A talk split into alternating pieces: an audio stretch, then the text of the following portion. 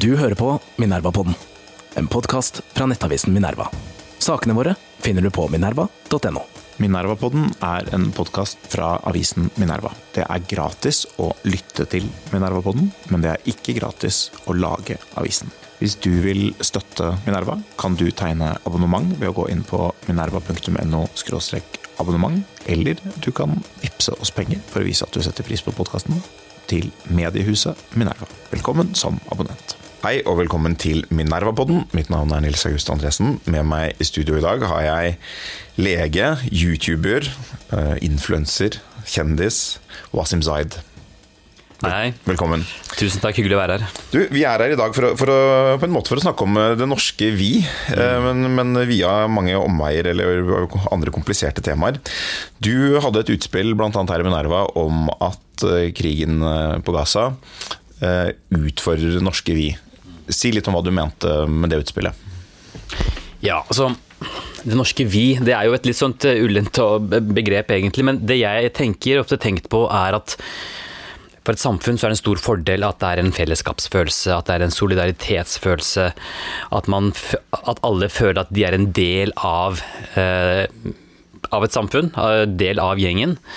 Eh, føler seg inkludert. Eh, og det igjen handler altså da å ha en følelse av å bli rettferdig behandlet, likebehandlet.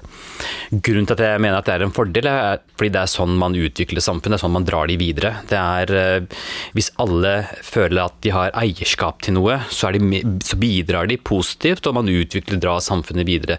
Kontra om man har et samfunn som er splittet, som er polarisert, hvor det er en, en større del som føler at de egentlig ikke er del av samfunnet, de føler seg ikke verdsatt. Det gjør noe med motivasjonen deres til å bidra, og da føler de seg, de føler seg utenfor og, og, er ikke med på å bidra positivt til samfunnsutviklingen, drive det videre, fordi man kjenner liksom ikke nærhet eller en kjærlighet til det, da, for å si det på den måten her. Men hvorfor skal uh, hendelser i, på den andre siden av Middelhavet påvirke det norske vi? Jo, det er jo fordi det, det handler om identitet. Um, jeg er jo veldig engasjert i palestinensaken. Palestina-saken. Det har vært egentlig hele mitt voksne liv, eller fra ungdomsårene. Og det tror jeg alle som har en muslimsk bakgrunn, for å, for å være ærlig, er det. Det er, en, det er en, sak som på en måte man kjenner en man, man kjenner på at det er altså i, anførselstegn, våre muslimske søstre og brødre som blir undertrykket og har vært undertrykket i lang tid og blitt frarøvet land, frarøvet eiendom, frarøvet frihet. Så man kjenner en veldig solidaritet med dem også. For en identitet til altså det, det, det, er som, uh, det er mye som er på en måte uh, hva du uh, føler kjennskap til eller eierskap til. og Eh, kulturell identitet, religiøs identitet, er også en del av eh, bildet, sammen med nasjonal identitet. Men her kommer vi til da utfordringene som er tema for denne podkasten. Du fikk eh, jeg husker ikke rekkefølgen, men, men dette resonnementet ble i hvert fall utfordret av unge Høyre-leder Ola Svenneby på Twitter. Det var vel mm. der noe av den diskusjonen oppsto. Og av hans poeng var at dette illustrerer på en måte at det, det var ikke noe norsk vi. Og en måte å, å, formulere det på ville være å si at hvis det er sånn at denne identitets Eh, følelsen, denne enhetsfølelsen, det er det identitet egentlig betyr, altså denne enhetsfølelsen med muslimske brødre og søstre på Gaza, som jo er en annen etnisitet, f.eks. Mm. pakistansk. Mm. Hvis den religiøse identiteten er sterkere enn tilknytning til det norske samfunnet, da var ikke den det norske vi der før mm. Gaza-krigen heller. For det er jo ikke noe som har endret seg egentlig i eh, det er ikke noe vesentlig som har endret seg i norsk politikk med, med 7. oktober. Hva, hva tenker du om den eh, innvendingen? Jeg ser poenget. Men jeg ser at konsekvensen av en slik tenkning fører med seg mye problemer. Det finnes i det norske samfunnet uh, mange minoriteter. Uh, la oss ta for, oss, for eksempel, la oss ta et hypotetisk eksempel. Seksuelle minoriteter. Hvis vi hadde hatt La oss gå litt tilbake i tid, hvor uh, de homofile hadde en vanskelig tid her i Norge. Og øh, kanskje da kjente de da et større fellesskap til den internasjonale homobevegelsen f.eks. Kanskje kjente de på øh, Følte de veldig for hva som skjedde med deres homofile venner i USA eller andre land. Og hvis man da tenker at ok, fordi de kjenner en sånn solidaritet med folk som er på en måte et helt annet sted, og at dette her har ingenting med nasjonal identitet å gjøre, vel, da er ikke de en del av vårt vi. Det er konsekvensen av den tenkningen. Eller at du f.eks. tar jøder, da. Hvis, Men det er vel Eller ta, ta det. hvis, hvis du tar jøder, f.eks. Hvis, de, eh, hvis jøder i Norge eh, har en eh, kjenner en veldig identitet til eh, det jødiske folket og, og, og Israel, og føler sympati med f.eks. jøder som blir utsatt for hets eller vold andre steder, og er f.eks. skuffet over at Norge ikke sier noe om det, la oss si at Norge ikke hadde sagt noe om det, så blir det jo å si at ok, men det viser jo bare at disse jødene var aldri del av det norske vi, fordi de har en sterk identitet til noe helt annet. Så det føler jeg blir konsekvens. Da ekskluderer du folk. Men, men det, er mer, altså, det er vel mer kanskje en analyse enn en normativ, øh, et normativt utsagn. Altså, hvis det er sånn at denne lojalitetsfølelsen eller identitetsfølelsen eh, er veldig mye sterkere enn den nasjonale, eh, så sterk at man sier når dette skjer, så er det ikke lenger noe vi. Eh, da er det en sånn illustrasjon at det vi ikke fantes. Jeg tror det, er Svennebys analyse. fordi det, er ikke noe rart eller noe truende i og for seg at man har mange identiteter. Eh, det har vi jo egentlig alle sammen, og det er, det gode eksempler både med seksuelle minoriteter og, og jøder. Eh, og mange av oss andre også har lojaliteter og identiteter på, på tvers av landegrenser og, og grupper og sånn. Og så er spørsmålet er jo på en måte det du innledet med, at det er jo viktig at denne nasjonale det er litt feil å bruke ordet lojalitet, man skal ikke alltid ha liksom lojalitet, men denne opplevelsen at vi er i samme mm, båt, mm. Eh, i en viss forstand, eh, det er viktig at den er der. Og så kan det hende at den ikke er der, og eksempelet med seksuelle minoriteter viser jo, viser jo det. Kanskje de følte at var, de var ekskludert. Men det, det, det, interessante her er jo på en måte at, og det er det vi må snakke om, det er jo at eh, dette er jo hendelser i andre land mm. som gjør at norske minoriteter ikke føler seg det er påstanden, da, ikke føler seg inkludert i et norsk vi. Og spørsmålet er er det mulig å hva er det mulig å gjøre med det? det fordi det, hvis den eneste løsningen er at Norge fører en helt annen politikk enn vi ellers ville ført, så kan det også være en ganske krevende mm. normativ påstand å komme med. Så da, da, går jeg til den første utfordringen her. og det er eh, Påstanden her er at Israel-Gaza behandles i norsk politikk helt annerledes enn Russland-Ukraina. Og det er jo riktig. Eh, selvfølgelig. Altså, Norge støtter jo Ukraina med, med, våpen og med penger og med all vår politiske kapital ellers. Fordømmer Russland, er med på sanksjoner mot Russland osv.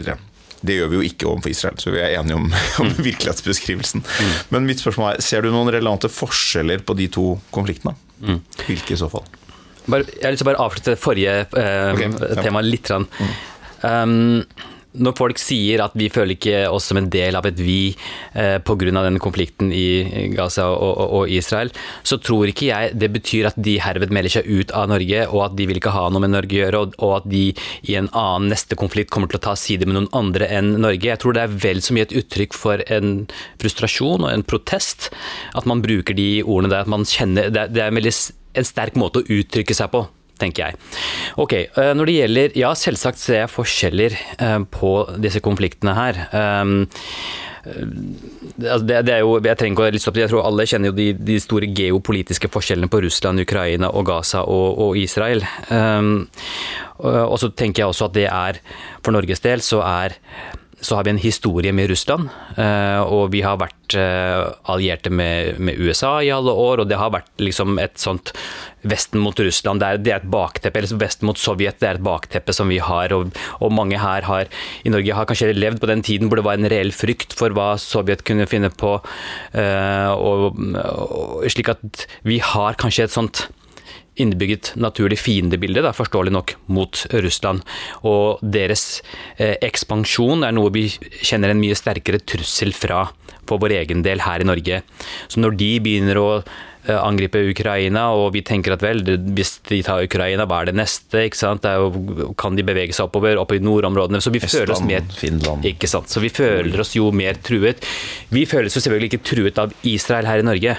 Hvis Israel utraderer Gaza, så er det ikke sånn at da kommer Israel til å gå videre nordover og kommer til Norge eller Europa. Så vi har ikke den frykten fra dem, og vi har ikke den motivasjonen til å nedkjempe eller, eller svekke Israel. Så jeg ser jo helt klart den forskjellen der. Men jeg tenker jo også at det å være et rasjonelt menneske, det å være kritisk tenkende, det å være reflekterende, da må man jo gå litt utover det som er et rent instinkt for oss. da. Det, det som føres naturlig.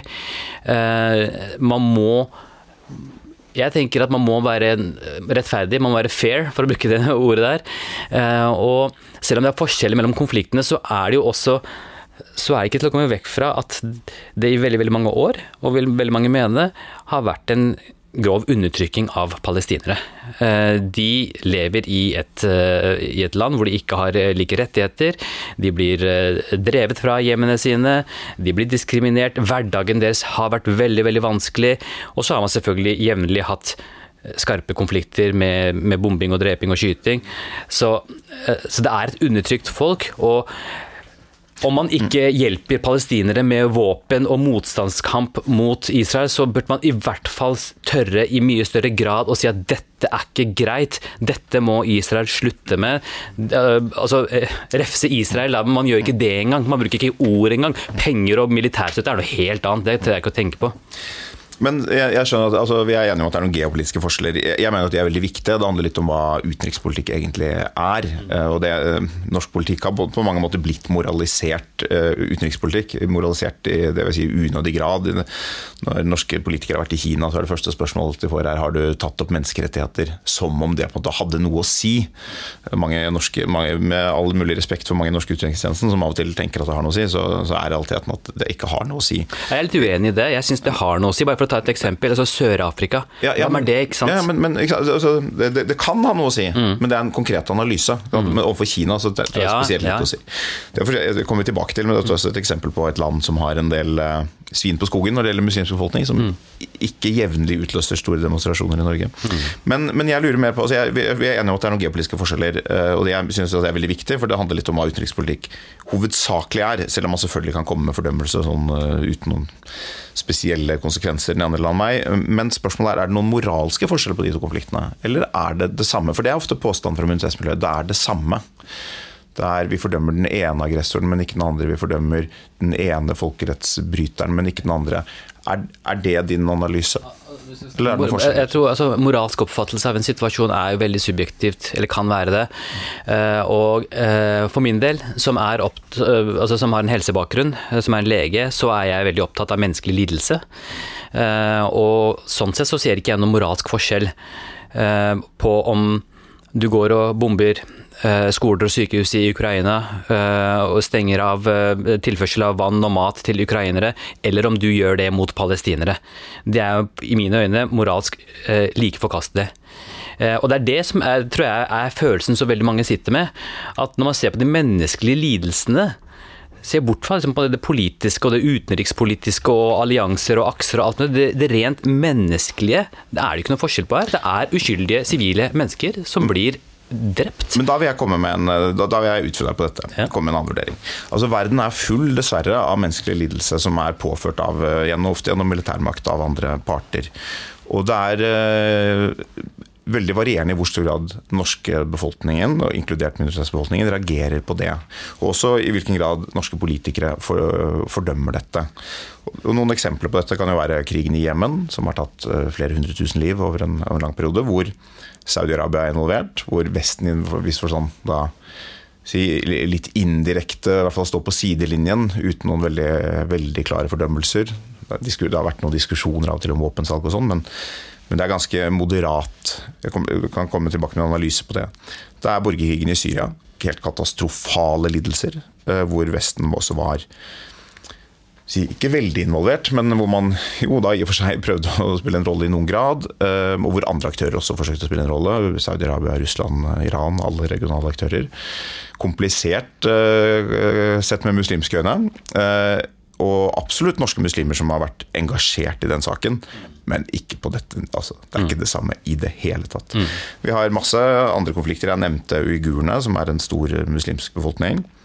Hvor veldig få muslimer har reagert spesielt internasjonalt og politisk. Eh, vi har rohingyaene. Der har norske muslimer reagert. Eh, I noen grad, ikke på dette nivået i det hele tatt. Eh, for der er den politiske situasjonen enklere. Fiendebildet er enklere enn det er overfor Kina. Uh, og så har vi masse konflikter der uh, ingen nordmenn har brydd seg overhodet. Så Armenia, altså Nagorno-Karabakh, Armenia, Aserbajdsjan. Nå nylig 100 000 mennesker fordrevet. Ingen har let på en finger, ingen har fordømt noen overhodet. Så dette er jo ganske vanlig. Og, og, jeg sier dette fordi det spiller en rolle hvordan vi oppfatter eh, rasjonale bak konfliktene og partene, både moralsk og folkerettslig. Og Vi har både konseptet rettferdig krig, og jeg skal ikke gå så langt til å si at Israels krig er rettferdig, for det, det mener jeg ikke så sterkt. Eh, men ulikheten i bedømmelse handler på om man mener at krigen er forståelig. Hvis vi tenker på den bombingen av Mosul, krigen om Mosul, 50 000 døde er noen estimater, eh, noen er lavere. Eh, der var de allierte med, bombet. Kurdiske og irakske styrker var inne. IS var inne i byen. Veldig vanskelig for mange å flykte. Katastrofale forhold. Man kan diskutere om det var altså, Jeg mener ikke å sammenligne helt direkte med Gaza, men en fryktelig, fryktelig krig. Den førte ikke til noen fordømmelse nesten fra noen, tror jeg. Vi forsto hvorfor det skjedde. Det skjedde fordi IS hadde tatt over Mosul. De måtte bekjempes. Så Den israelske påstanden er selvfølgelig at Hamas må bekjempes. Og Jeg er villig til å kritisere Israel for veldig mye, spesielt de siste 15 årene, i hvordan man har håndtert konflikten generelt. Men jeg vil si at det er ganske viktig forskjell på Israel, Gaza og Russland-Ukraina, er at den veldig lange, 75 år lange konflikten mellom eh, palestinerne og Israel har hatt som et element hele veien av at en veldig stor andel av det palestinske samfunnet og de palestinske organisasjonene, inkludert Hamas, ikke har anerkjent noen israelsk stat. Og Bosettingspolitikken er katastrofal, idiotisk, og okkupasjonen er en humanitær katastrofe. Det er jeg helt enig i, men et spørsmål til deg er eh, hvordan tenker du at en løsning på konflikten ville sett ut, og hvilke aktører ville akseptert den løsningen? Mm. Nå har du snakket veldig mye om veldig mange forskjellige ting. Beklager. Eh, så jeg får ikke du, kan, du kan svare på, på, på alt og hva du vil, og for lang tid nå. Mm. Ja, ok. Um, ja, er det si forskjeller på disse? Jo, jo, selvfølgelig. Eh, og ja, eh, du har jo rett i jeg må jo bare si, du har jo rett i at det er ulikt hvor engasjert folk er i forskjellige konflikter. Eh, nå er det sånn at Ukraina-konflikten og Gaza-konflikten er nærmere både i tid og sted. Det har noe å si. Så er det det som er spesielt ved Israel-Palestina-konflikten, at den har vært en øm konflikt for av en eller annen grunn for den muslimske verden helt siden den startet. Så det er på en måte noe som har vært i, helt fremme i pannebrasken i den muslimske verden de siste 75 årene, så det, det er nok med på å, å, prege det. For det andre, det, dette her med manglende uh, fordømmelse eller protester mot Vestens involvering eller ikke i ulike konflikter. Jeg vil si at den misnøyen som har fantes i den muslimske verden om Vestens dobbeltmoral, f.eks. Om hvor de involverer seg, hvordan USA på en måte uh, oppfører seg litt som bøllete verdenspoliti og bestemmer seg for at nå skal vi gå og bombe dit. Den, uh, den, uh, den misnøyen og den, det sinnet mot det har alltid eksistert. Jeg tror nå spesielt nå med den konflikten, her, så ser vi mye mer hvordan det spres på sosiale medier, og hvordan det eh, kringkastes og engasjerer mye mer, og folk begynner å på en måte, hva skal jeg si, våkne mye mer til det, da, fordi man eh, får sett det mye mer. Men ja, selvfølgelig, det er forskjell på hvor involvert folk er i forskjellige konfliktene, bare for å ha svart på det. Mm. Uh, når det gjelder denne konflikten, hva hadde vært en uh, grei løsning, og hvem hadde vært fornøyd med det? det slik jeg ser det, så uh, tenker jeg at Altså man, kan, man, kan, jo problematisere det veldig. ikke sant? Hvorfor var det sånn at man bestemte seg for å opprette Israel i akkurat der hvor, altså i de palestinske områdene i Midtøsten? Um, og hva som var Hvem bestemte det? og Hvem tenkte at det var en god idé, og hvorfor kjørte man på, det? det? det? kan man også diskutere. Men jeg, jeg, jeg, jeg, er ikke en av de som tenker at Israel ikke skal eksistere. At uh, Israel aldri burde ha eksistert. Virkeligheten er nå at Israel eksisterer og er på det stedet det er. Og i mine øyne så ville det mest rettferdige løsningen vært at man har en tostatsløsning hvor man har Israel, og hvor man har Eh, et Palestina, slik det ble eh, ikke bestemt, men foreslått i 1947 eller 48 av, av FN. Eh, og jeg tror at det ville vært en løsning med de selv om, den, selv om det den gang var en misproporsjon i fordeling av landområdene med tanke på hvor store de ulike befolkningene var Altså, eh, de, Det jødiske folket som kom til Israel, eh, fikk jo et uforholdsmessig stort område hvis man sammenligner befolkningsgrunnlag, men ok, la nå det være. Uansett så tror jeg den delingen som var den gang, hvis, den, hvis man hadde latt det fortsette og hadde hatt en tostatsløsning og hadde latt både Israel og Palestina utvikle seg som selvstendige nasjoner og, lyk, og med, med lykkelige befolkninger, så tror jeg at vi hadde hatt eller håper jeg da, vi hadde hatt langt færre konflikter eh, men, men her, her, ligger jo noe problemet. fordi Du sier at uh, denne konflikten har alltid vært, i, liksom, i 76 år da, 77 år, vært uh, på en, en, en torn i siden i den mm. globale muslimske befolkningen. Jeg er enig i den vurderingen. Det er, det er, ikke noe tvil om at det har vært det. Men her ligger jo på et bakteppe at uh, i hvert fall i en, en veldig lang periode så avviste hele den muslimske verden, og spesielt den arabiske verden, noen form for Israel. Hadde, det er kontrafaktisk historie er vanskelig, men hadde Palestina og de arabiske landene altså palestinerne og de arabiske landene godkjent eller akseptert eksistensen av Israel i 1947 eller 1948, så er det trolig at denne konflikten også ville sett helt, helt mm. annerledes ut. Mm. Uh, og frem til 1967 så var jo også da Vestbredden og Gaza kontrollert av Jordan og Egypt, uten noen store muslimske protester i og for seg mot uh, akkurat den kontrollen. Så det er vel en opplevelse når du sier at man har med seg en veldig lang historie om denne konflikten. Og de siste 15-20 årene så kan man jo godt skjønne sinnet mot Israel for hvordan man har, har, forsøkt, eller ikke forsøkt, å løse denne konflikten. Men, men det ligger et bakteppe her av at veldig veldig mange muslimer ikke aksepterer noen form for Israel. Mm. Og i Israel er det jo fortsatt, eller altså i Eh, på Gaza er det jo fortsatt sånn at Hamas anerkjenner jo ikke Israel. og Det er en diskusjon om liksom dette 2017-charter hvor de sier at de kunne eh, akseptere å få en stat innenfor 1967-grensene. Men det innebærer jo ikke at de sier seg fornøyd med det. Og det har blitt veldig tydelig på hva de har sagt nå etter 7.10. At man har sagt at målet er at Israel ikke skal eksistere. Og, og det, er det jeg på mener er viktig selv om det er veldig mye galt Israel gjør, så er det en veldig viktig forskjell fra Russland og Ukraina, hvor det jo ikke er sånn at Ukraina truer den russiske staten. Det er, det er ingen rimelig lesning. Russland vil kanskje argumentere for det. Men, ja, men jeg, sier, men er ikke uenig i det. Jeg sier jo altså, disse her politiske tingene som du drar opp, ja klart det er forskjell på konflikter, men fra mitt ståsted, og fra veldig mange, så er det den menneskelige lidelsen. Mm.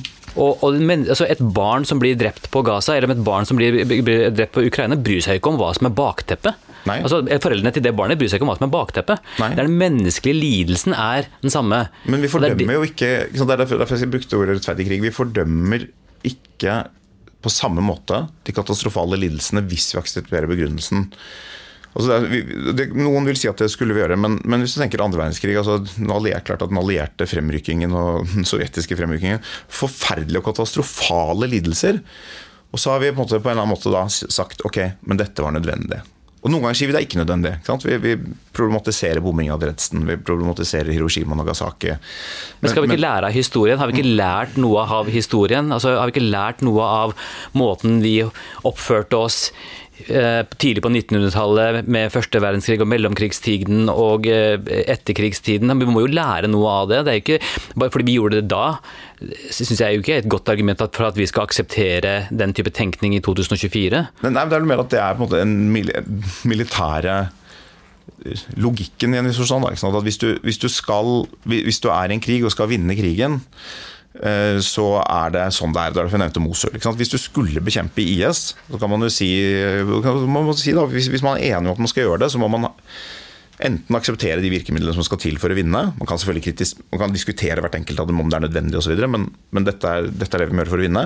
Eller også må man si ok, da er det ikke verdt det. Da, da blir det ingen krig. Da, en forutsetning her er at man i det hele tatt aksepterer premisset om at militær makt og nedkjemping er en, er en lø, aktuell løsning i det hele tatt. Det er et alternativ i det hele tatt. Det gjør man jo i hele verden. Det, det er virkeligheten. Men, men det er jo absurd mener jeg. Altså, det er jo absurd å mene at hvis vi er uenige om noe, noen så skal vi avgjøre det på den måten at den som har de mest dødelige tingene laget av metall, skal vinne. Skal altså, jeg ville gjerne at vi skulle spille sjakk om det, men ja. Sånn, idet Russland rykker inn i Ukraina, så, så, så nytter det ikke å foreslå å spille sjakk. Under Gulfkrigen så var det noen, en eller annen irakisk eh, politiker som kom med et forslag om at kan vi ikke heller gjøre sånn at vi tar en brytekamp mellom Saddam Hussein og George Bush, og den som vinner, da kan si at den vinner krigen. Og det hørtes så absurd ut, men det er søren meg ikke mindre absurd enn at hundretusener skal kjempe mot hverandre, og så avgjøre. Nei, det, det, er, det, hadde vært det beste. Uh, utfordringen er jo da på å få menneskeheten som raser med på, på dette i praksis. Ja. Og vanlig evolusjonslære tilsier på at de som ikke aksepterer det, det er de som vinner. Mm. Uh, så, men jeg, jeg, er enig i at det hadde vært fint. Men, men, for å vende litt tilbake, nå har vi snakket ja. litt om konflikten og prøvd å bore litt i hvor vi er uenige og, mm. og hvor vi er enige. Um, jeg, og jeg vil si, si det, altså jeg forstår og er også enig i uh, det finnes områder der Vesten har hatt en dobbeltmoral utenrikspolitisk. Uh, jeg, jeg syns jeg syns ikke Israel er det beste eksempelet på det, eh, men jeg forstår altså du kan si, I hvert fall ikke når vi snakker om norsk og europeisk politikk. Mm. Jeg skjønner at man opplever at amerikansk politikk er veldig ensidig i Israel. Men det er mange andre eksempler på, på si, kall det dobbeltmoral. I hvert fall det som er blitt i hvert fall i sin retorikk. For noe av dette er jo begrunnet i hard utenriks, harde utenrikspolitiske hensyn, som jeg mener er legitime, men de har ofte blitt framet i form av moral og, og, sånne ting. Og da er det åpenbart at det kan være dobbeltmoral ute og gå, og det skjønner jeg at det er eh, fremmedgjørende for minoriteter. Men hvis vi går litt tilbake til det norske vi altså for det, Min bekymring Du sa at eh, det er uttrykk for en frustrasjon når man sier det så sterkt um, at dette ødelegger det norske vi. Men det er jo ikke, bare du som har gjort det. Magdi var ute mm. og snakket om det, og det har liksom vært, vært, flere som har sagt det. Og min bekymring er at når så mange profilerte nordmenn med minoritetsbakgrunn sier det, så så stiller det på en måte nesten spørsmålstegn ved er det mulig å ha innvandring. Altså hvis, hvis, det blir, hvis, det da er sånn at det skal ikke mer til på en måte, mm. enn en krig på den andre siden av jorden før vi blir delt opp i, i stammer som utfordrer det politiske fellesskapet. Mm. Ser du den bekymringen? Ja, absolutt. ja. Eh, jeg bare undret meg over at det skal ikke mer til, men jeg syns det er ganske mye som har gått til. Ja, ja det, er, det, er, veldig det er mye, men det også, men det er, også, langt borte. Ja, det er, fem timer flytur. Ja, ja, um, nei um, vi, eh, eh, du er veldig opptatt av å snakke om måte, virkeligheten, hvordan, det er, det, hvordan realiteten er. Og realitetene er at vi, vi, har eh, minoritetsbefolkninger i Norge. Vi har hatt en innvandring. Det er ikke noe du kan endre på. Nei, nei, nei. Det er sikkert noen som er sånne, veldig sånne, uh, emigrasjonskåte og tenker at det er en eller annen løsning i fremtiden. Man kan tvinge folk til å flytte vekk fra Ingen løsning, men, men, man kunne si det er et argument for ok, la oss begrense problemet heretter. da. Ikke, ja. noe, ikke noe, mer ja, Det er jo veldig streng innvandringspolitikk allerede, så jeg vet ikke hvor mye mer man skal begrense det, men ok. Uh, jeg jeg, jeg, altså, jeg tenker at eh, norske befolkning, minoritetsbefolkningen hadde vært veldig fornøyd om eh, det internasjonale samfunnet og det vestlige samfunnet hadde vært litt tydeligere, bare. Jeg tror, jeg tror jeg tror faktisk ikke engang det skulle mer til enn at de hadde vært litt tydeligere i kritikken. Og Dere har sikkert sett alle disse videoene og sikkert lytterne har sett alle disse videoene sant, som er lagt ut av vestlige ledere som er Um, liksom som, og hvor man ser den klare forskjellen, når, siden vi først snakker om Ukraina og, og, Israel, den klare forskjellen i deres retorikk, i deres uttalelser, i deres tydelighet, i deres fordømmelse, i deres kritikk av de to sidene. Og det blir så synlig når man sammenstiller på i to konflikter som er veldig aktuelle i tid og sted akkurat nå. De, de, har null problem med å si at eh, f.eks. Russland driver med krigsforbrytelser, må fordømmes på det sterkeste, mens spør om det samme om Israels handlinger, så er det sånn Nei, men jeg er jo ikke jurist, jeg vet ikke, jeg må tenke meg om. Eller at eh, det, det, famøse klippet av eh, Justin Trudeau som på en måte eh, ikke engang klarer å uttale ordet 'ceasefire'. Han driver og snubler i ordene når han plutselig på en måte skal snakke om at man må stanse kamphandlingene. og det blir liksom eh, Eller hvordan eh, måten eh, Joe Biden eh, snakker om den konflikten på Blinken her i, her i Norge også. ikke sant, at Selv etter at Titusenvis av mennesker er drept, journalister er drept, helsearbeidere er drept, barn er drept, eh, lemlestet. Så, så, er det fortsatt ingen som orker å si at dette aksepterer vi ikke. Det er ikke mer som skal til. Det, det, det, hvis man er bekymret for det norske viet, hvis det er det vi skal snakke om i denne podkasten, hvis det er det folk er bekymret for, så hadde det ikke eh, tatt mer enn at Espen Barth Eide hadde f.eks. stått i eh, FN eller, eller gått ut eller et eller annet og sagt et eller annet at dette fordømmer vi. Dette er ikke akseptabelt. Men, men her, Hvorfor kan vi ikke si det, egentlig? Nei, altså, altså men uh, Her gikk du tilbake til at du sa her er det så stor forskjell i hvordan vi snakker om Russland og, mm. og Israel. Uh, og da er spørsmålet om det finnes relevante grunner for å snakke ulikt om det. da. Og Når det gjelder dette med krigsforbrytelser, så, så, så, mener jeg at norske politikere har vært egentlig relativt tilbakeholdne med å bruke ordet krigsforbrytelser også om Russland. Det store problemet med Russlands invasjon i Ukraina i og for seg ikke at det er en krigsforbrytelse, selv om det, det er nok eksempler på det også. Jeg må, jeg må, bare si at jeg er stolt av å være norsk. Fordi jeg, jeg, jeg, jeg Sammenlignet med mange andre land i verden, vestlige land, så har Norge hatt en mye altså, en mye finere posisjon i, rundt dette. Det må jeg bare si. Altså. Ja, men, men, men, det er viktig kontekst. I Russland, så, da disse reportasjene kom fra Irpin og Butsja, mm. da begynte man å snakke om krigsforbrytelser fordi man mente å kunne belegge at det var det. Utføringen på Gaza er at eh, vi har på en måte foreløpig lite verifisert informasjon om mange hendelser. Noen hendelser har vi informasjon om, og noe av det er litt omstridt. Men politikere er ofte tilbakeholdne med å snakke om krigsforbrytelser. Fordi det er en veldig kraftig term. ikke sant? Så Det er det ene, det, er det ene poenget mitt. Det andre poenget mitt er at Når du snakker om hva Blinken har sagt, og hva Biden har sagt, og hva Trudeau har sagt, eh, men at du i og for seg er stolt over at den norske holdningen har vært litt annerledes. Og Det kan man jo diskutere, men, men da er det jo en utfordring som jeg synes er interessant, nemlig at jeg tror mange norske muslimer likevel opplever at den, på en måte den samlede vestlige responsen utfordrer et norsk vi. For da, da, da er det en, på en måte åpenbart at det er en vi-dere-tenkning der, hvor, hvor, hvor, dere ikke er nordmenn, men hvite vestlige generelt. Ser du det? Ja. Men jeg vil tro at det de vil, mange muslimer vil svare på det, er at det er dere som har gitt oss den følelsen av at vi ikke er blant dere. Mm. Eh, ved å på en måte opptre som dere har gjort i, i disse sakene her. Eh, og men igjen så, så, så, lurer jeg jo på da, ikke sant. Uh, hvorfor kan ikke og jeg, og jeg, eh, for, det første, for, det første, så må jeg bare si at du sier at okay, det er gode grunner til at man kaller det ene krigsforbrytelse eller det andre. Du kan sikkert finne sånn, Det er også en ting som irriterer meg litt, at det er så mange som kommer med disse her kjølige analysene sine og skal liksom komme med sånn teknikaliteter på hva som er forskjell, men, men, se litt på hvordan det synes. Altså, hvordan men, men, men, nå snakker ikke sant? Nå, jeg jeg inntrykk at nå har du inntrykk av hvordan det synes for hvem. For nå er utgangspunktet norske muslimer. Men tenk at du er norsk jøde, da. Ja.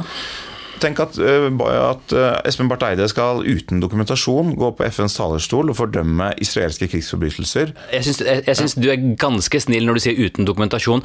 At, uh, ja, men, men, det, men poenget er hvis, hvis, du mener at man ikke skal være opptatt av teknikaliteter, fordi det er jo teknikalitetene som Ja, da mener jeg at du begynner med ja. veldig små sånne finurligheter og på en måte internasjonal rett og sånt, og hva som er definisjonen på folkemord og hva som er altså den type ting. Men, ja, det er hvis, ja, ja, men samtidig så er det faktisk faktisk nesten 25 000 mennesker som er drept, og det er ikke noe å betvile lenger. De Nei. kroppene ser vi.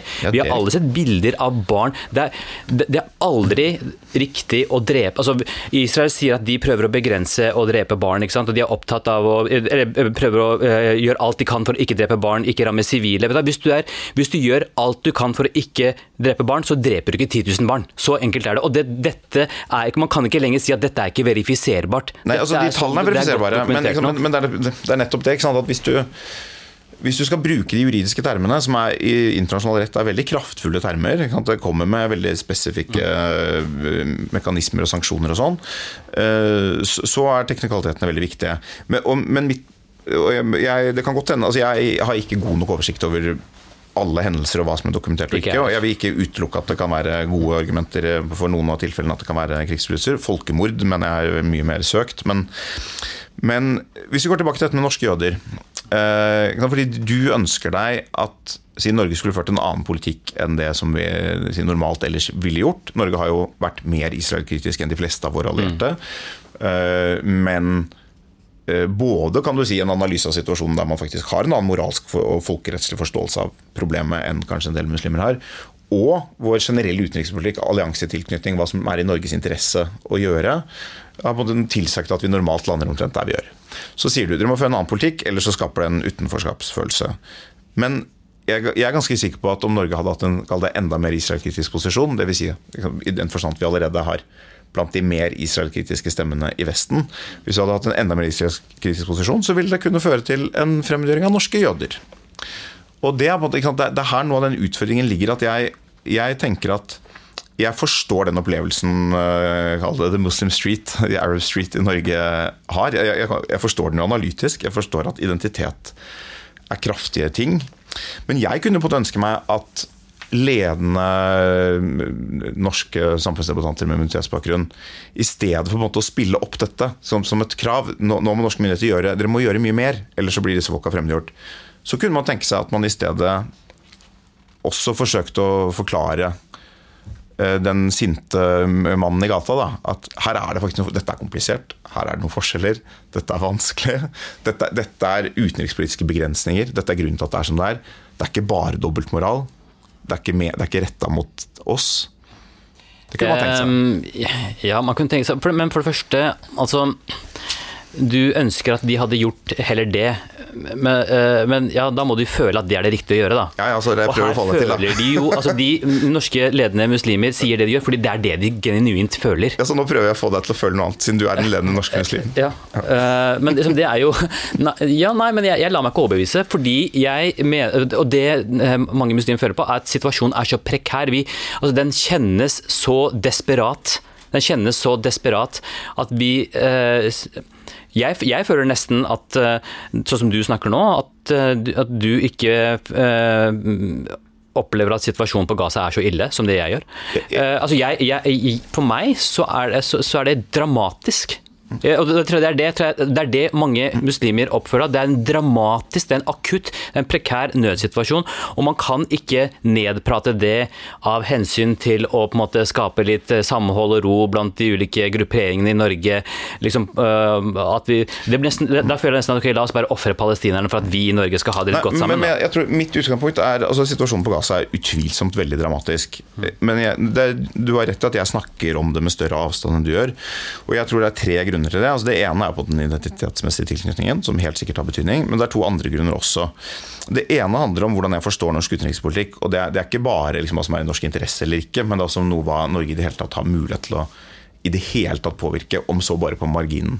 Og jeg jeg er ganske overbevist om, det er en analyse, den kan man diskutere selvfølgelig. Jeg bare spørre meg en ting, for Du kan ja. åpenbart mer om dette enn meg. Hvorfor er det i norsk utenrikspolitikks favør å hva skal jeg si, spille på lag med USA i denne saken her, for, eksempel, for å bruke det uttrykket? da? Ja, altså det er, Hvorfor er det Eh, det? det- Hvorfor det er i favør, er fordi vi generelt er interessert i et godt valg til USA. Ikke denne saken spesifikt.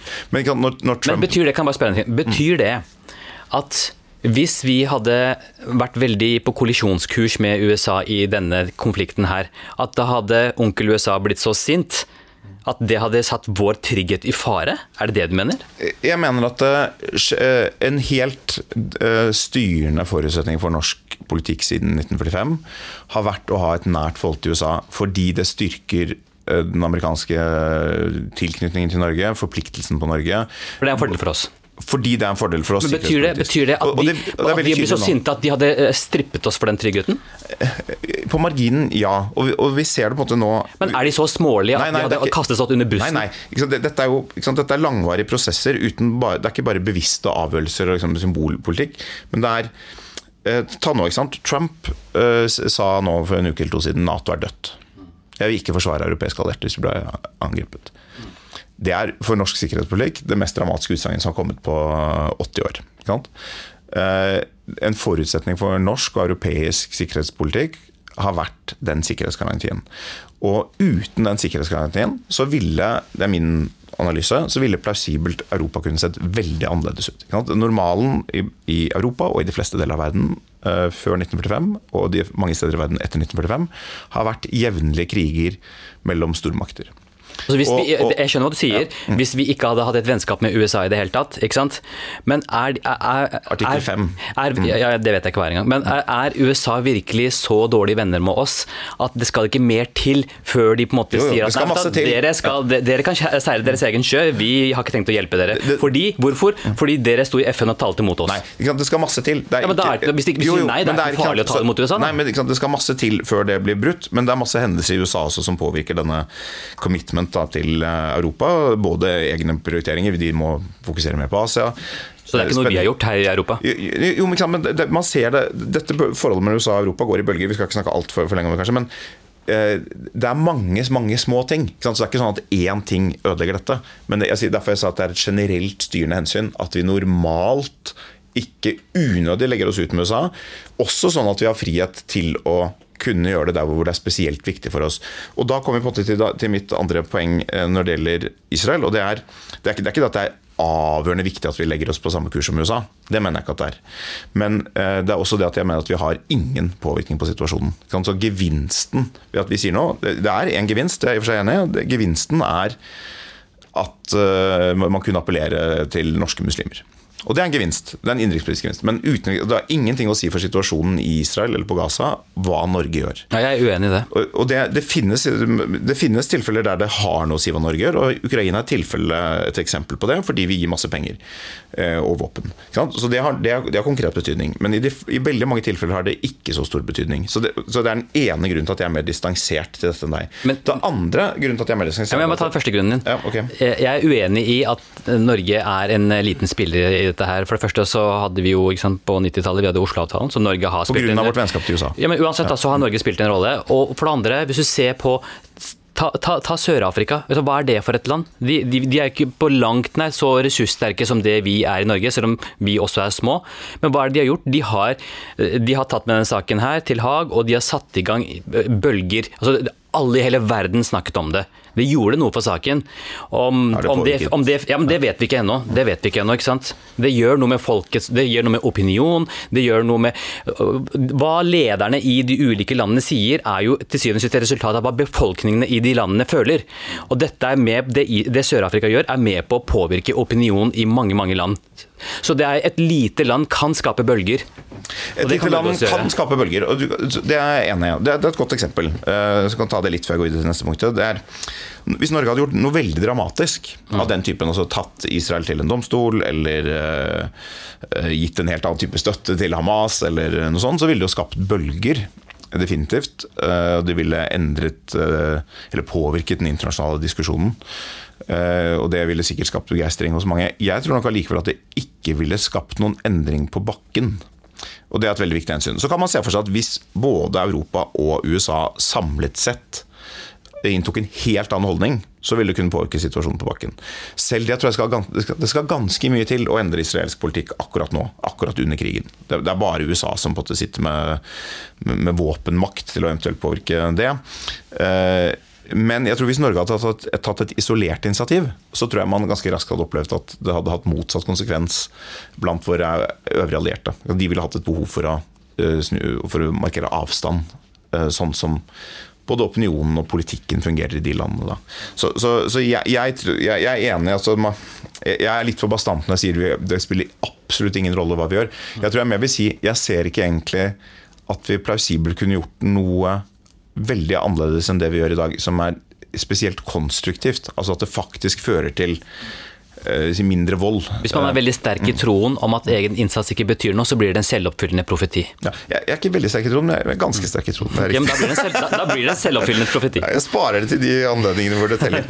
Men så er det en annen grunn også til at jeg er mer distansert tror jeg, enn deg. Og det, det, er ikke at det ikke er grusomt, det som skjer. Det må ikke være noen tvil om at det er helt forferdelig det som skjer på, på Gaza. På noen måter er det også særegent og unikt. altså det er bitte lite område, vanskelig å komme ut, veldig langvarig konflikt uh, osv. Uh, men selve lidelsen, du snakket om døde mm. barn, uh, og det er ofte de bildene som er aller mest opprørende, så er det på en måte ikke unikt. Vi tenker på krigene på det afrikanske kontinentet på 90-tallet. Mm. Kongo, Sudan, vi har liksom, Jemen, Syria. Og det er jo riktig å reagere på den lidelsen hele tiden. Eh, også i Gaza, selvfølgelig, eh, og de andre stedene. Vi skulle sikkert ha reagert mer eh, noen av de andre stedene.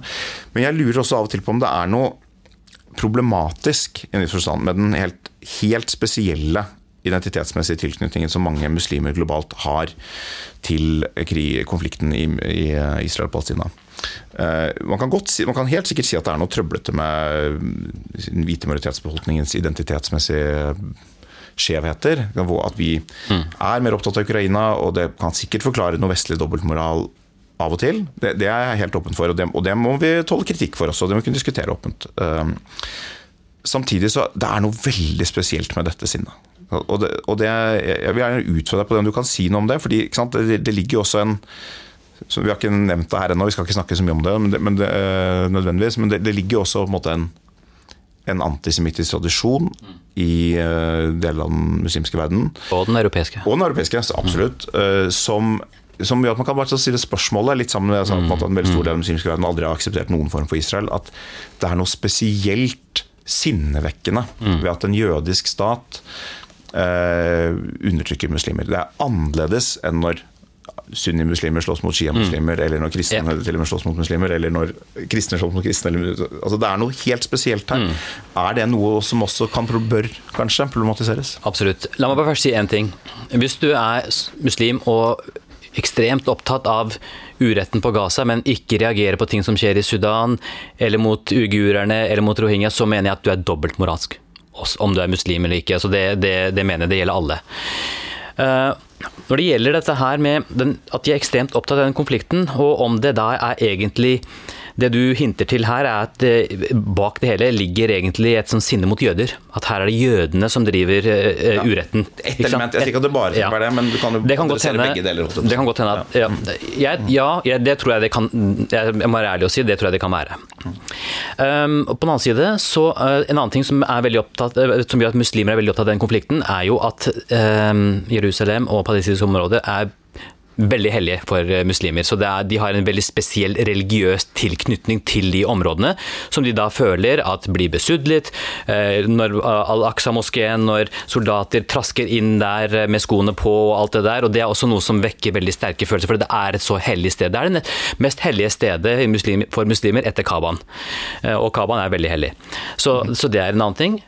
Og så er det jo um, mange sier, Jeg kjenner ikke godt nok til historikken på, i Palestina, men jeg har lest om dette. her, Det er mange som sier at da jødene begynte å komme til de palestinske områdene, så var det mange muslimer og palestinere som tok, med, tok dem imot med åpne armer og ville på en måte ha dem og hjelpe dem. og sånt, og så, Men så så man at hvordan det utviklet seg, hvordan de da begynte å miste land og bytte landområde, så snudde det. Uh, om det er en del av det også, det vet jeg ikke. Um, den, eh, jeg jeg, jeg, jeg, syns det blir litt rart å snakke Jeg syns det blir litt dårlig gjort å begynne å snakke om en eventuell antisemittisme blant muslimer, som kanskje eksisterer, som sikkert eksisterer, når man har den historien man selv har i Europa. Hvor man har fordrevet jøder fra så mange land. Nesten de aller fleste landene i, i Europa. Også Norge var med på det for ikke så veldig lenge siden. Så så, og hvem, er drept, liksom, hvem er det som drepte millioner av jøder? Det var europeere. Selv om det, om det så har vært en eller annen antisemittisme i den muslimske verden, så har den jo aldri hatt de konsekvensene som antisemittismen til Europa har hatt mot jøder. Nei. Og Ikke på langt nær. Det er så det er, det er litt pre, altså Jeg syns det, det er litt kjevt å på en måte uh, Men, men, men dette er ikke, på den den altså, det er ikke noe tvil om at det har vært veldig mye antisemittisme i Europa. Og så har du kan si den katastrofen som fulgte ut av det, har jo gjort at man da har si, revurdert noe av Eller altså, hatt anledning til å reflektere kritisk rundt det. da. Men når jeg tar det opp her altså, Jeg, kunne, jeg vurderte nesten å holde det utenfor. fordi det, jeg- jeg tror nok at det fins. Jeg tror nok at det er mm. litt som du da sa, at det er én forklaring. Men, men det sentrale for meg er egentlig bare at det er et eh, det er en del særegent sinne. Og, og om man på en måte kobler det på antisemittisme eller noe annet om Det kan være, det er, det er sikkert en bit, som du sa, det, altså det blir et symbol kanskje av og til for sinne mot USA og vestlig dobbeltmoral og kolonialisme. og Det blir et symbol for veldig mange ting. Mange av de tingene syns jeg er skjeve, men det er sånn at det blir et symbol for mange ting. Men jeg mener allikevel at, at det er allerede dagen etter eh, Hamas-angrepet på Israel 7. oktober, så var det demonstrasjoner i Norge for Palestina lenge før det var noen israelsk reaksjon. Eh, ekstremt måte, sinte demonstrasjoner. Ja, det er en langvarig konflikt, jeg skjønner det, osv. Men det er, på, det er noe du, du sa hvis man reagerer på eh, uretten på Gaza, men ikke på uigurene osv., så, videre, så er man dobbeltmoralsk. Ja, det er sikkert mange muslimer som vil si at de reagerer både på behandlingen av uigurene og rohingyaer og mange andre, men det er ingen som reagerer på den måten. Men si så meg det en ting. fins ikke. Men, men si meg en ting. Jeg vet ikke om du har vært med på noen demonstrasjoner rett utafor her. Jeg har vært med på flere av de. Eh, veldig mange hvite nordmenn som er med på de. Ja. Hvis du ser borti USA nå, for første gang noensinne, så har man store demonstrasjoner for palestinerne. Og det er hvite amerikanere, det er ikke muslimer som utgjør de flesteparten. I, I Frankrike, Tyskland, rundt omkring. Hvorfor, hvis, du, hvis du etterlyser hvorfor det er så sterkt engasjement blant muslimer, eh, f.eks. her i Europa, her i Norge, for denne saken her, spør deg selv da, hvorfor er det så sterkt engasjement blant vestlige europeere mot Israel nå? Altså, jeg, jeg, tror kom, det, det, jeg tror at det er mange grunner til at Israel eh, som du sa, måtte ha har en helt spesiell posisjon, emosjonell posisjon. Eh, Jeg mener at den egentlig ikke bør ha det, men, men, eh, fordi jeg ikke tror den er konstruktiv. Men, men i alle land. Og det er, det er litt som du var inne på, det er noen religiøse grunner. Jerusalem er viktig også. Du mener vel ikke at eh, nordmenn som, er, som kritiserer eh, Israel er antisemitter? Det, finnes det nordmenn Men, det som er, det er, men- men- du mener nei, ikke at hovedparten av de Nei, som altså, jeg, jeg, jeg, Så hvordan hvorfor- forklarer du engasjementet Ja. blant eh, de vestlige europeerne? Ja, men da, det, det, er jo egentlig litt samme grunner. Skulle, det, det er på en måte to ting som må kunne snakkes om separat. Det ene er at det finnes en antisemittisme som er med å forklare noe av det særegne sinnet. Det andre er at det er selvfølgelig mange i Vesten, både muslimer og ikke-muslimer, som er spesielt rasende på Israel, og er spesielt frustrert og, og sorgfulle over situasjonen der. Og det forstår jeg. Og jeg, jeg tror også det har mange grunner at det er en så, så spesielt eh, sterkt emosjonelt eh, engasjement, også hos dem som ikke på er direkte personlig berørt gjennom at norske nordmenn med bakgrunn fra Palestina eh, har en særegen, eh, særegen sinne og særegen sorg her. Det skjønner alle. Det trenger både ikke noen, noen diskusjon. Men at også så mange andre gjør det, eh, det har mange forklaringer. Det er som du sier, det er religiøse ting, både for kristne og for muslimer, og, og, og i vår kulturelle bevissthet at Jerusalem er en så spesiell by. Eh, Det er det at denne konflikten er så langvarig. Dette er jo sånn, eh, Du kan ha hatt foreldre og besteforeldre som gikk i demonstrasjoner mot eh, Israel, eller på den ene eller annen side. Så det er, en konflikt som har vært med oss så lenge vi kan huske. Og det gjør at den blir en, en veldig Det skaper et veldig sterkt bånd til konflikten. Alle har følelser knyttet til den konflikten. Og det tror jeg gjelder både muslimer og og nordmenn, men det er, det er litt av poenget. Det er, det er egentlig noe av det jeg gjerne forstand vil utfordre. For jeg tror ikke det er er eh, sunt for oss når vi kommer til og det som er utgangspunktet for denne podcasten da, altså når vi kommer til dette med det norske vi. Og Forskjellen på norske muslimer og andre nordmenn som demonstrerer, er jo på en måte at for andre nordmenn så er de kjempesinte, men det utfordrer ikke dette norske vi. Og min bekymring, grunnen til at jeg både bekymrer meg for demonstrasjonene altså Det er jo det er lov å demonstrere, det er lov å være rasende for det som skjer i Israel, men det er, det er når det dukker opp med denne konteksten det norske vi, så tenker jeg sånn Ok, men la oss ta et skritt tilbake og se om, se om man kunne vært litt mindre fremmedgjort og litt, litt mindre Det kan du synes er provoserende, kanskje, men litt mindre emosjonelt investert i akkurat denne konflikten. Ja. Jeg vet ikke hva jeg skal For det første så føler jeg at jeg hadde deg et hjørne her i stad, men du klarte å komme deg ut av det uten. du svarte egentlig ikke på. Jeg utfordret deg på liksom, du, vil snakke, du, du vil snakke veldig om hvorfor er muslimer så engasjerte. Jeg spør deg hvorfor er ikke-muslimer også Ja, så fordi- engasjerte? fordi de- de- det er grusomme scener. Nei, men du, Ja, ja, nei, jeg, jeg syns ikke de ja, de Og det er derfor muslimer og, og også kan ikke, det også, kan ikke det også da sies at det, det er samme grunn til at da kjenner ikke muslimen da på de grusomme scenene også, på samme Jo, måte? men, men, det er, men det er to forskjeller. Det ene er det at eh, mange nordmenn er veldig engasjert, men jeg tror nok andelen av muslimer som er veldig rasende, er større. Og okay. Mm. de som roper 'Khaibar, Khaibar, ya Yahud', de er normalt ikke nordmenn. Og de som, noen av de som Men det er altså også veldig få muslimer som også Jeg har ikke hørt det Så er det flere som roper 'From the river to the sea'. Der Ja. tror jeg også muslimene er overrepresentert. Ja. Kan man diskutere hva det Men jeg mener ikke at det ikke er en gal ting å si. Hva, hva betyr det for eksistensen av Israel? For meg ja, men for, nei, for, altså, i, Det palestinerne selv det jeg palestinerne selv sier da det, det de sier er at det, det, er, det er symbolsk på palestinsk frihet. Det er det de sier. selv men veldig mange ja, palestinere vil jo si at de ikke er det aksepterer viktig. noen Ikke veldig mange. Noen sier det. Ja, en del sier Men, men altså, hvis du er palestiner ja, La oss ikke Men jeg tror ikke mange nordmenn, Det er ikke så mange nordmenn som jeg sier må det. bare si en ting. Jeg, jeg, jeg syns ikke det er fair å på en måte ta uttalelser fra palestinere og, og, og på en måte at vi skal sitte her og analysere hva de egentlig føler og mener. Når, man, når dette er et, det er de enige i. Uansett så er palestinere et folk som har vært undertrykt i 75 år. utvilsomt. Så la oss ikke på en måte ta deres uttalelser og- i en veldig sånn kjølig analyse. Nei, nei, nei, nei. De er helt nei, nei. investert på en helt men, annen men måte. jeg skjønner veldig godt det. Altså, jeg, jeg skjønner veldig godt at veldig mange palestinere eh, ønsker at Israel aldri har blitt etablert. Mm. Det er jo ikke noe vanskelig å forstå. Så, men, men det er mer når dette ropes i en norsk kontekst, så er det i hvert fall en ambiguitet i hva det betyr. Men, men jeg, jeg tror at det er en forskjell i nordmenns og Unnskyld ordet, men altså ikke-muslimske nordmenns og muslimske nordmenns engasjement. Jeg tror det er en forskjell, selv om veldig mange nordmenn er også veldig Beklager igjen ordet. Selv om veldig mange ikke-muslimske nordmenn også er veldig engasjert, så er det en viss forskjell. Men, men, jeg, men, øh, men der jeg malte meg ut av hjørnet igjen, var det, på en måte at det, er jo en kjempestor diskusjon hvorfor det er et engasjement om Israel. Jeg har skrevet en artikkel om det. Hvor jeg, eh, det, er noen, det er mange grunner til at det er sånn, og mange av dem er forståelige. Jeg vet ikke om det alltid er produktivt. Men eh, faren med det muslimske engasjementet er jo dette at de utfordrer dette vi. Og egentlig så kan du si, sant, I og med at det er mange nordmenn som er engasjerte sammen, så burde de jo ikke gjøre det. Men det er det at man ikke får når man ikke får politisk gjennomslag på et bestemt punkt, så skaper det denne avstanden. Og, jeg tror, og og det er jo sånn man kan øh, det, det er innlett å si det, hva betyr det at vi ikke kan ha innvandring? Jeg mener ikke at det er det vi skal helt konkret basere vår innvandringspolitikk på, men, men, jeg mener at det kan liksom oppleves litt som nesten en form for utpressing. At nå må dere gjøre det, ellers så rakner fellesskapet. Mm. Ja. Det, og da blir reaksjonen Nei, unnskyld meg, hør her. Ja. Ja. Jeg, jeg, jeg, som jeg sa, jeg tror ikke at trusselen er så reell som du vil ha det til. At, uh, at norske muslimer kommer til å melde seg ut av samfunnet. Men, ja, de kommer nok jeg, jeg, tror nok det gjør noe med deg at du føler at her er ikke, du er ikke verdsatt der. Du er ikke uh, Hvis du får følelsen av at egentlig så bryr folk ikke seg om sånne som deg, det, det gjør noe med følelsen. Og jeg syns det er litt dårlig gjort å legge det ansvaret på minoriteten.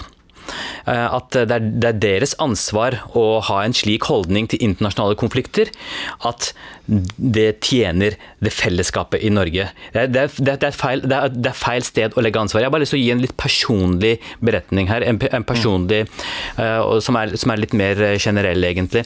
Um, jeg er født og oppvokst i Norge. Jeg er 48 år, så jeg har levd hele livet mitt i Norge. Jeg er norsk statsborger. Kona mi er også norsk-pakistaner. Eh, vi har alltid snakket norsk hjemme, for det er mest naturlig for oss. Vi har gjort alt vi kan for å på en måte hake på alle de tingene som kreves av minoriteter for å være integrert. Da. Vi eh, har oppdratt barna våre som nordmenn. De, vi har feiret jul alle år. Eh, vi har vært med på alle dugnader. Eh, kakebaking på skolen, leirskole for barna, idrettslag, gått på ski, lært oss det. Alt sammen. Gjort alt sammen.